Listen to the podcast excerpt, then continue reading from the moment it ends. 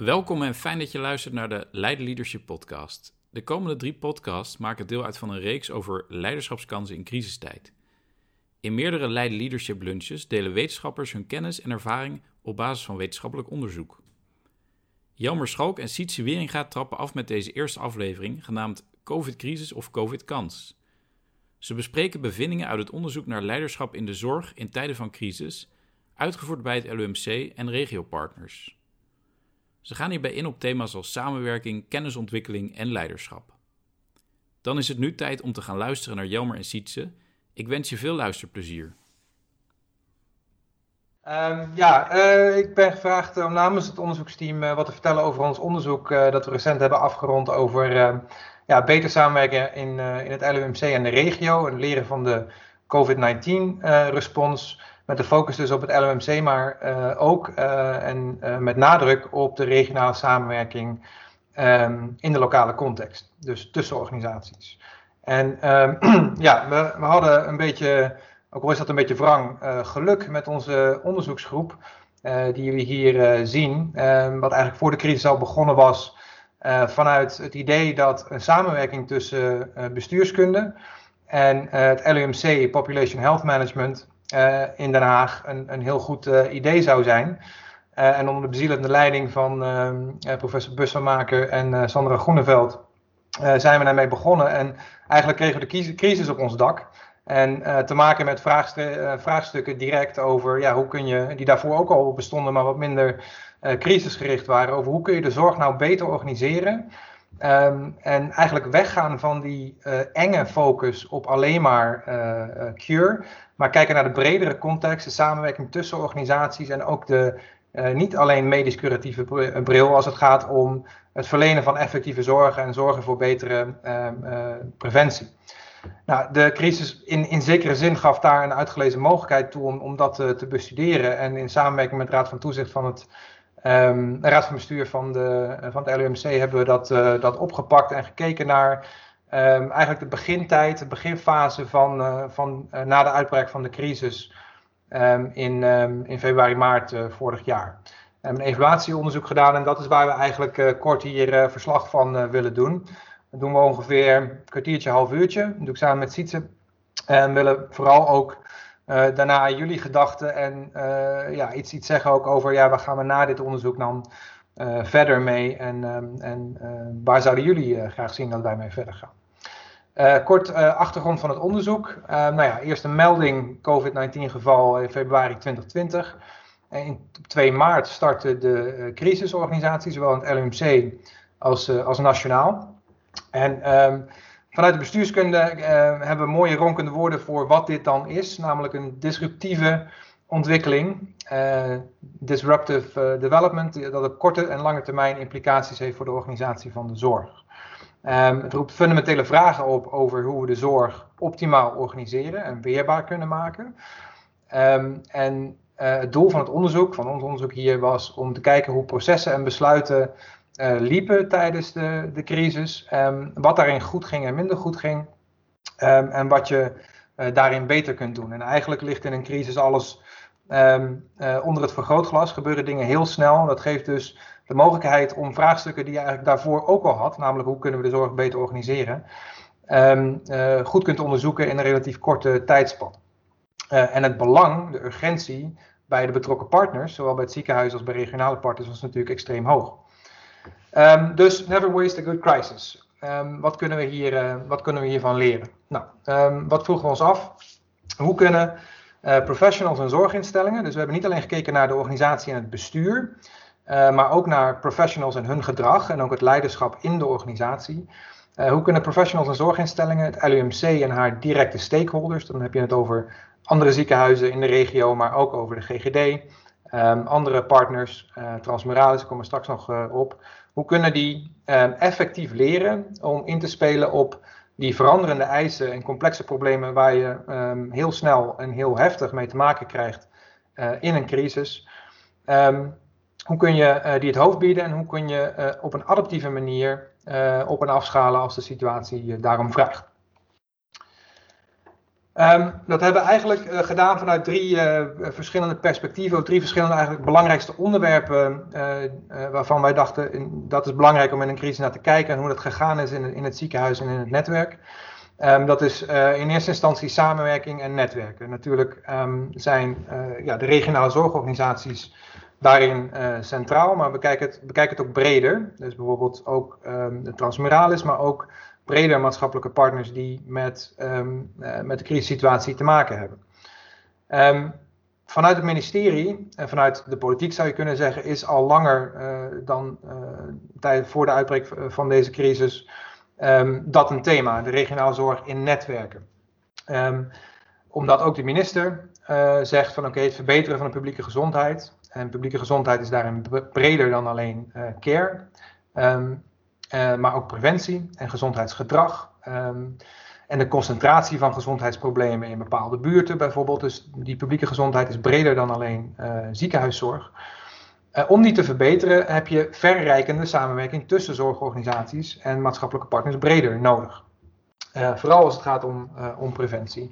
En als je doelmatig en doeltreffend wil samenwerken, um, is dat een uitdaging wanneer die organisaties sterk verschillen. Het is altijd makkelijker om met like-minded organisaties iets te verzinnen uh, en te gaan uitvoeren dan organisaties uit verschillende sectoren met verschillende belangen, uh, met verschillende machtsposities als het gaat om financiële uh, slagkracht, om politieke macht, om lobbymogelijkheden, et cetera. Dus hoe breng je die partners bij elkaar? Hoe creëer je een, een gedeeld gevoel van urgentie en kun je samen beleidsmaatregelen ontwikkelen om, om de zorg te verbeteren?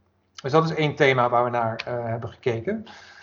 Um, een tweede was uh, ja, de kennisontwikkeling en de kennisuitwisseling tijdens de crisis. Over ja, alles wat, wat in de crisis relevant was. Dus dan kun je denken aan de, aan de beschermingsmiddelen. Uh, je kunt denken aan de verpleegzorg, aan de protocollen, wat daarin moet komen te staan. Um, allerlei zaken die voor de directe uitvoering en de zorgverlening van belang waren. Hoe worden die ontwikkeld en hoe worden die gedeeld en hoe kan je dat ook op de meest efficiënte en effectieve manier doen? Um, inventariseren, analyseren en delen van informatie um, gebeurt steeds vaker door de organisaties zelf en professionals onderling. En daar is ook de vraag, hoe verdeel je dat tussen bestuur en leiderschap aan de ene kant en professionals op de werkvloer aan de andere kant? Leg je dat van bovenaf op of laat je dat volledig vrij of iets ertussen? En voor beide uh, uiteinden van het spectrum valt wat te zeggen. Um, en er is, uh, weten we uit de literatuur, een groeiende ambitie om bij uh, de ontwikkeling van, uh, van kennis voor de zorg ook gebruik te maken van die niet-medisch inhoudelijke expertise. Dus ook de, niet alleen de medisch-curatieve bril, maar ook een breder maatschappelijke zorgbril. en tenslotte, de derde lens zou je kunnen zeggen, leiderschap. en daar, vanuit de literatuur weten, gaat het vooral om het kunnen formuleren van een gemeenschappelijke visie en een route uitstippelen om die visie waar te maken um, over die samenwerking en over die crisisorganisatie. Um, en een opdracht of een uitdaging voor leidinggevenden, voor bestuurders, uh, maar ook leidinggevenden de werkvloer, is om een schakel te zijn tussen wat er in de samenwerking tussen organisaties gebeurt, dus in het netwerk, het regionaal netwerk, waar je als organisatie in participeert. Uh, en de interne lijnen, de interne crisisorganisatie um, uh, van sturing en verantwoording. Hoe verbind je die twee met elkaar en hoe ben je ook zichtbaar als leider, als manager um, tijdens zo'n crisis? En is dat belangrijk? Leiderschap, een derde lens um, waar we naar hebben gekeken. heel kort over de methode. we hebben uh, onderzoek uitgevoerd van augustus tot september vorig jaar ongeveer. daarin een groot aantal semi-gestructureerde interviews afgenomen met uh, mensen in het netwerk, dus bestuurders van de zorgorganisaties, um, GGD's, LUMC, um, ehm, de verpleeghuizen uh, en een hoop mensen binnen de LUMC-organisatie van de raad van bestuur tot aan uh, managers beveiliging. Um, en we hebben gebruik gemaakt van de enquête die we hebben laten aansluiten bij het medewerkerstevredenheidsonderzoek dat elk jaar sowieso wordt afgenomen. En daar een aantal COVID-gerelateerde vragen aan toegevoegd voegt. En um, uh, de nodige documentenanalyse. Nou, dat hebben we dus in augustus tot september ongeveer gedaan. Voor degenen die niet uh, sterk ingewijd zijn in, um, in, de, in de regionale zorg, hier even heel kort een schets van, um, ja, van hoe, dat, uh, hoe dat eruit ziet. je hebt het regionale netwerk, dat is de, de GHOR, waar de GGD's leading in zijn, en de ROAS. de regionale organisatie voor acute zorg. Um, die twee waren met name cruciaal en we hebben met name in het ROAS uh, de nodige mensen gesproken. En het ROAS is de uh, voorzitter van de Raad van Bestuur van het LUMC, ook uh, de voorzitter of de coördinator binnen dat ROAS-overleg. Binnen het ROAS-overleg heb je weer allerlei ehm, gremia, dus je hebt het bestuurlijk ROAS, je hebt het tactisch ROAS. die zijn dan weer aangewezen door de, bestuurlijke, de bestuurders van de verschillende organisaties om meer tactische beslissingen te kunnen nemen en zijn daarvoor gemandateerd. Um, en uh, je had, en dat hebben ze tijdens de crisis sterk uh, uitgebreid en opgeschaald, de CCT's, dus de crisisteams uh, vanuit verschillende onderwerpen, bijvoorbeeld de verpleegzorg, waar op specifieke onderwerpen snel kan worden geschakeld en besluiten kunnen worden genomen, kennis worden gedeeld tussen de zorgorganisaties in de regio. Nou, deze, crisis, deze organisatie voor acute zorg, die niet origineel als crisisorganisatie uh, in het leven is geroepen, is wel een crisisorganisatie geweest tijdens de crisis. En is enorm opgeschaald, in eerste instantie aan de hand van de protocollen die er op dat moment al lagen uh, voor de acute zorg. En dat is op basis van uh, wat men in deze crisis moest oplossen. Denk aan beschermingsmiddelen, het delen van informatie over wachtlijsten, het op- en afschalen van de zorg. Um, steeds verder uitgebreid en, en aangepast op basis van die, die behoeftes. Nou, binnen elke organisatie heb je Ehm, een crisisorganisatie. Of de meeste organisaties hebben, de meeste zorgorganisaties hebben een crisisorganisatie. Dus um, dat wordt ook uh, uh, in gang gezet op het moment dat de, dat de crisis uitbreekt. En een interessant vraagstuk daar is, um, de crisis duurt natuurlijk al heel lang. Dus wanneer is een crisisorganisatie geen crisisorganisatie meer? En wanneer is het een, een permanent probleem en moet je de, de, de lopende organisatie daar, uh, daarop aansluiten? En moet je de crisisorganisatie weer afschalen? Een belangrijk vraagstuk geweest in deze periode en nog steeds. Uh, maar goed, in zo'n uh, organisatie, en neem je hier het LUMC, want daar hebben we het meest op gefocust. Daar heb je ook weer een crisisteam, een beleidsteam wat daarboven hangt en een infectiebeheersteam. Waarvan de, de uh, voorzitters ook weer deelnemen, deels in elkaars overleggen. Zodat die informatie um, vanuit de meer tactisch-operationele teams, infectiebeheersteams, uiteindelijk ook weer omhoog gaat tot aan waar de lange termijn beslissingen worden genomen strategische beslissingen in het beleidsteam waar de, de uh, raad van bestuur uh, leading in is. Uh, onderling hadden LUMC RVB-leden dit ook weer verdeeld. Dus je had de voorzitter van de raad van bestuur die met name in het ROAS zich bewoog. Um, en een lid van de raad van bestuur dat zich met name met de interne crisisorganisatie um, bemoeide. Uh, dan hangt daar nog van alles omheen. we zeiden al van ja, die, die niet-medisch curatieve bril is, is ook heel belangrijk in de zorg. Dat hebben we gezien aan de nationale discussies. Uh, die gingen over bezoekregelingen in de verpleeghuizen en allerlei andere, de dakloze opvang. Uh, allerlei implicaties van beleidsmaatregelen die we puur vanuit medisch curatieve overwegingen nemen voor uh, zorgorganisaties die met diezelfde patiënten te maken hebben, maar niet direct betrokken zijn bij die uh, medisch curatieve beslissingen. Uh, en dat was ook een groot punt van kritiek op het OMT in, deze, in deze fase. dus die, die hangen in dit netwerk er ook nog bij. Een aantal zijn erbij betrokken, ook tijdens de crisis. Met name de VVT-organisaties, de verpleegzorg, hebben een veel sterkere rol gekregen in die, in die ROAS-organisatie gedurende de crisis, toen de crisis zich ontwikkelde. Uh, maar denk bijvoorbeeld ook aan thuiszorg, uh, aan daklozenopvang, uh, ook scholen die met allerlei protocollen te maken kregen. En hoe verzin je nou samen, of moet je dat überhaupt samen doen, um, de goede protocollen, de goede maatregelen, hoeveel afstand, mag je wel of niet naar school, nou ja, alle dingen die we in het nieuws ook hebben zien, zien passeren. Hoe zorg je in het netwerk van deze stakeholders ervoor dat ehm, de meest optimale besluiten worden genomen? Um, nou, ik ga even direct um, uh, naar de lessen. Uh, dus eigenlijk de belangrijkste boodschappen die wij uit, deze, die wij uit dit onderzoek hebben gehaald. Uh, de eerste is, inventariseer welke mogelijkheden eh, wet en regelgeving nu al bieden om tot meer samenwerking te komen. En breng in beeld waar, um, waar belemmeringen liggen. Eén observatie, en die zal de meeste van jullie bekend voorkomen, misschien vanuit je eigen werk, is dat er een enorme drive was, zeker in het begin, bij het uitbreken van de crisis uh, om uh, samen dingen te bereiken. We hebben een probleem, we gaan het samen oplossen. Er was veel enthousiasme en veel um, uh, gevoelde urgentie, waardoor er veel meer mogelijk was in de samenwerking.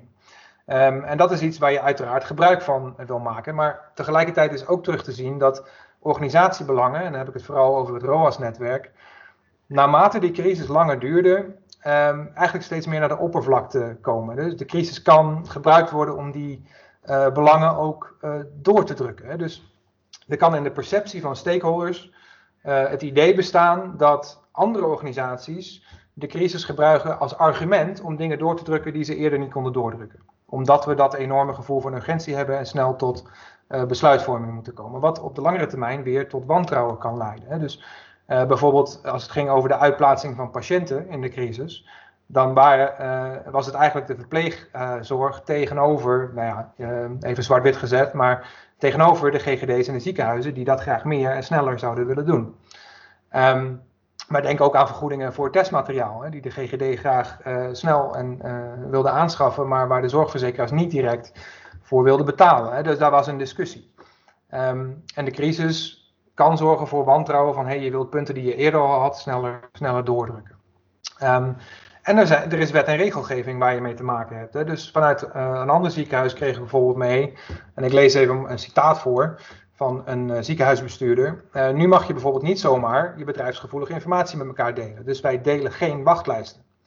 Daar zijn we heel scherp op. We delen geen wachtlijsten, maar dat wil je ook niet, want daar word je straks door de zorgverzekeraar weer op afgerekend. Dan ben je volgend jaar, als de crisis voorbij is, ineens de helft van je budgetten kwijt, terwijl je personeel nog wel rondloopt. Dat is nu helemaal het leven van een instelling. En ik denk dat je niet meer bang hoeft te zijn voor een boete van de ACM, de Autoriteit Consument en Markt. Als je iets op papier zet Um, als je meer ruimte zou hebben om dingen wel met elkaar te delen of het gesprek te mogen aangaan.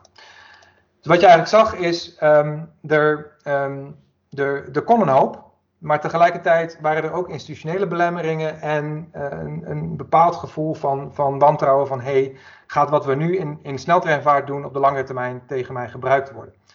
Uh, hoe ze dit hier overigens hebben, min of meer hebben opgelost, is door niet die wachtlijsten te delen, hoewel daar vanuit uh, sociale zaken wel om werd gevraagd. Um, maar dat alleen op, regionaal, op, op, op regioniveau uh, te ontsluiten en op te managen.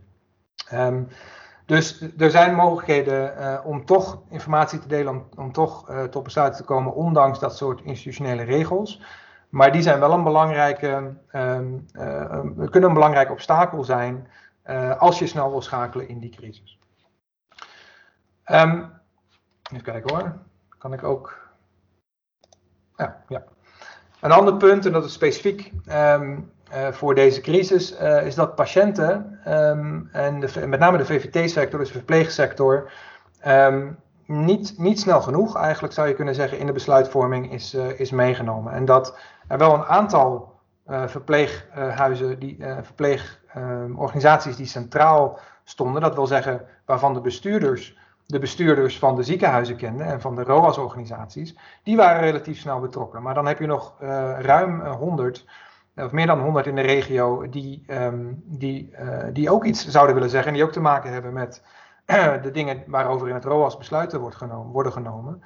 Um, en die waren eigenlijk, uh, die werden maar relatief langzaam betrokken. Die waren onderling als sector ook niet bijzonder goed georganiseerd, waardoor als belangengroep zij niet een sterke stem hadden in, uh, in de ROAS besluitvorming, in ieder geval niet in het begin. Daar is wel relatief snel over geleerd en gedurende die eerste maanden kwam dat wel op gang, maar langzamer dan voor andere sectoren die van nature eigenlijk al meer betrokken zijn.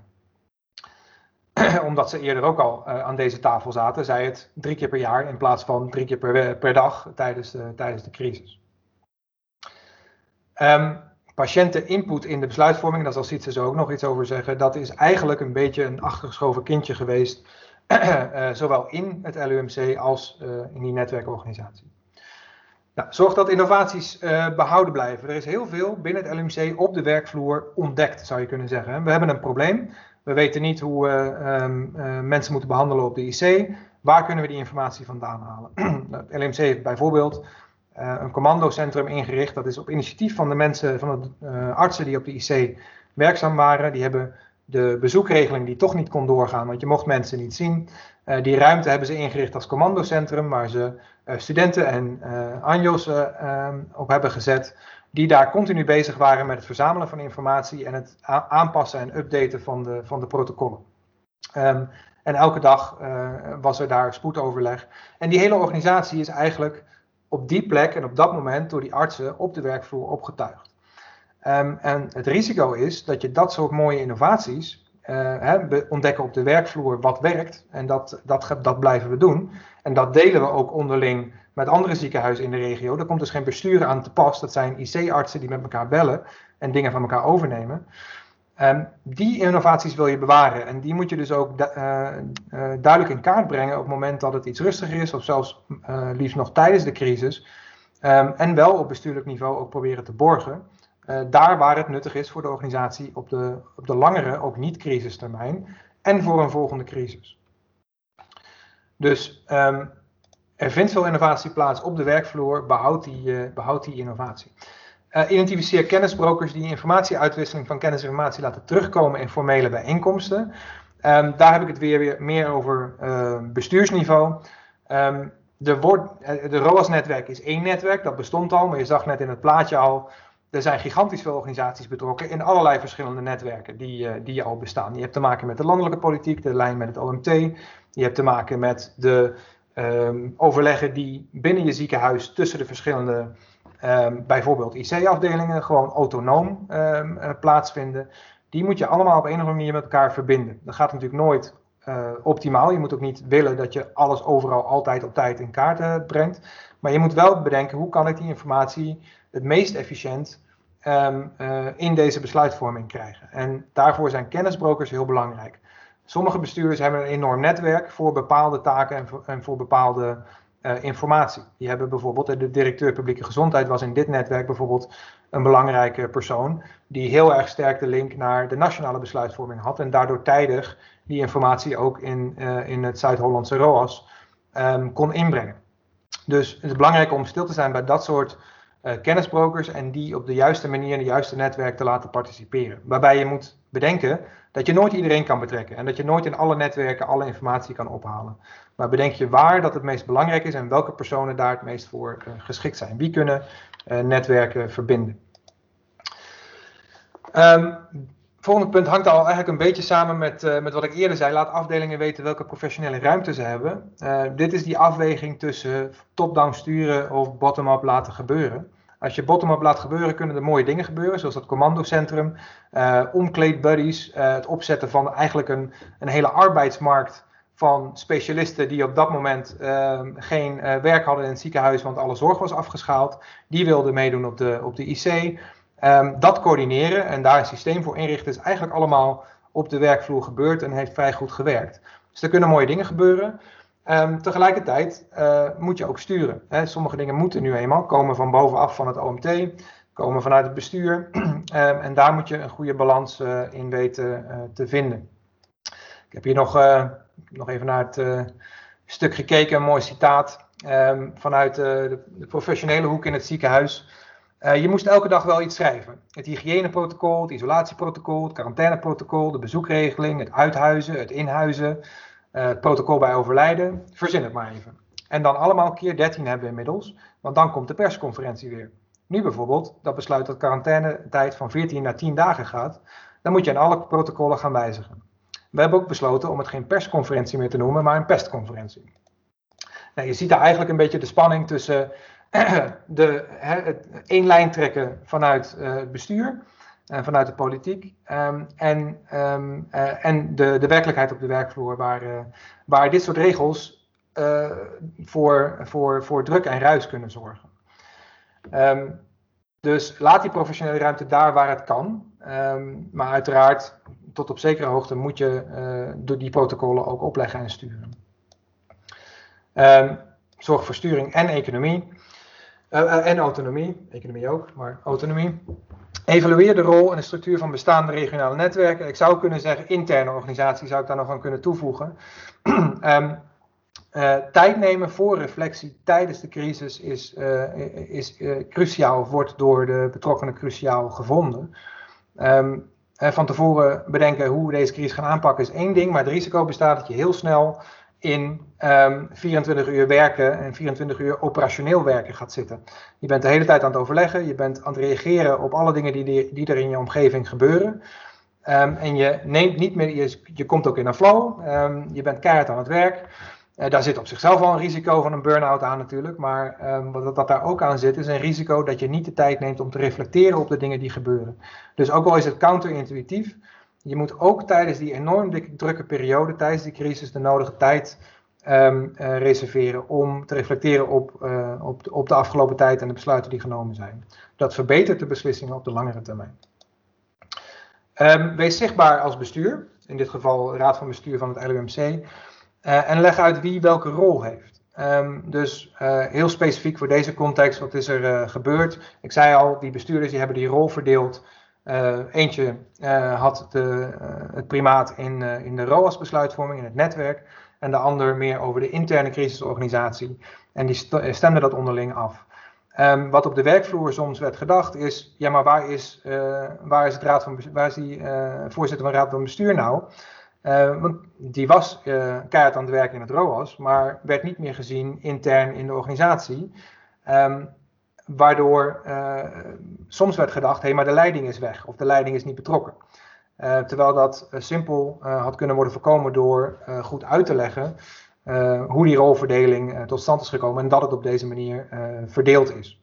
Dus dat soort kleine dingen kunnen leiden tot um, ja, um, bepaalde beeldvorming die weer negatieve impact heeft op de motivatie en het werken in de organisatie. Dus probeer daar alert op te zijn. Ook daar, je kunt dat nooit helemaal voorkomen, maar juist om dit soort dingen is tussentijdse reflectie ook belangrijk creëer, reflectie voor, uh, creëer ruimte voor reflectie uh, en tegenspraak. Nou, dat zijn een beetje de hoofdlessen eigenlijk die we, die we uit deze interviews um, en deze, deze data hebben getrokken. En dan wil ik nu aan Sietse overdragen voor een specifiek punt voor cliëntraden en hoe we daarover denken en over verder willen. Ja, dankjewel. Jammer. Dus het, het idee is hè, dat uit deze, dit onderzoek komt natuurlijk verschillende lessen. En de vraag is van ja, hoe ga je daarmee in de slag? voor ons is vooral de vraag heel interessant. Goh, wat zegt dit nou over het, uh, het zorgsysteem, het bestaande zorgsysteem, wat daar mis is en hoe je dat eventueel zou kunnen aanpassen? Nou, heel belangrijk vinden we was natuurlijk dat eigenlijk cliënten en patiënten, ja, die zijn niet betrokken. Hè, die waren vrij snel uit de picture in het begin van de crisis. Um, en dat lijkt ook een soort onderliggend uh, probleem te zijn, dat eigenlijk de inbedding van patiënten, nou, patiëntenparticipatie, shared decision making, al dat soort concepten, daar wordt al jaren over gesproken. Maar als het puntje bij paaltje komt, ja, dan is het blijkbaar niet zo belangrijk. Um, dus we zijn nu bezig met de cliëntenraad, want die had dat zelf ook opgemerkt. Goh, wat uh, bijzonder dat wij dan opeens uh, eruit liggen. en die heeft een aantal speerpunten voor zichzelf gemaakt. En wij gaan ermee aan de slag met, door middel van, van actieonderzoek. Waarbij we natuurlijk uh, vooral geïnteresseerd zijn voor hoe gaan zij samenwerken, zou ik zeggen, niet alleen in de organisatie, maar ook ja, misschien wel door de, door, door de hele regio heen. Je kunt je voorstellen, mensen zoals die, uh, die CVA hebben of andere zorg, ja, dat, dat houdt natuurlijk niet op uh, bij, bij het ziekenhuis. Dat, dat heeft consequenties voor verpleging, er moet samen worden gewerkt met thuiszorg, met, met de huisarts. Um, en ook daarin zouden cliëntenraden natuurlijk elkaar ook wel eens kunnen opzoeken voor, goh, praten jullie wel eens met, uh, met andere verpleeghuizen? Nou, die, die cliëntenraden hebben inmiddels uh, hebben ze een aantal speerpunten gemaakt waarvan ze zeggen, goh, daarvan willen we toch, uh, toch wat meer, dat je daar ook in meedoen. En dat is dan vooral patiëntenparticipatie, wat nog echt van de grond moet komen. Um, en een ander idee wat, zij, wat we niet helemaal hadden verwacht, maar ja, dat krijg je met actieonderzoek, is uh, uh, leefstijlmanagement of leefstijlgeneeskunde. ze zien dat als een belangrijk punt voor, voor ehm, patiënten, cliënten. En dat, heeft natuurlijk, ja, dat houdt natuurlijk helemaal niet op bij het ziekenhuis. Dat gaat echt, hè, hoe zorg je dat, dat de populatie als het ware gezond blijft, dat je gezond gedrag stimuleert in en buiten het, buiten het ziekenhuis. Dus daar gaan we dan mee aan de slag. We hebben natuurlijk ook nog wat andere ideeën van hoe we verder dit zullen kunnen uitrollen en hoe we kunnen leren en aan de slag kunnen met, uh, met uh, deze lessen. Um, maar uh, dit is voorlopig waar we even mee, mee aan de slag gaan. om te kijken of we kunnen komen tot een gezondheidssysteem wat, wat dus meer gefocust is juist op, op samenwerking en stabiel kan blijven in tijden van crisis. En daarmee zijn we aan het einde gekomen van deze aflevering. Dank voor het luisteren. Ik hoop dat je hebt genoten en vooral veel nieuwe kennis hebt opgedaan. Je bent van harte welkom op de volgende Leiden Leadership Lunch op vrijdag 9 april van 12 tot 1. Daarin spreken Jaap van Lakerveld en Jeroen Wolbers over state-of-the-art crisisbeheersing. Zij blikken alvast vooruit naar crisisleiderschap van de toekomst. Meld hiervoor aan op onze website, dat is universiteitleiden.nl slash Leiden Center en kijk dan bij events. Houd verder ook onze LinkedIn pagina in de gaten. Tot de volgende keer.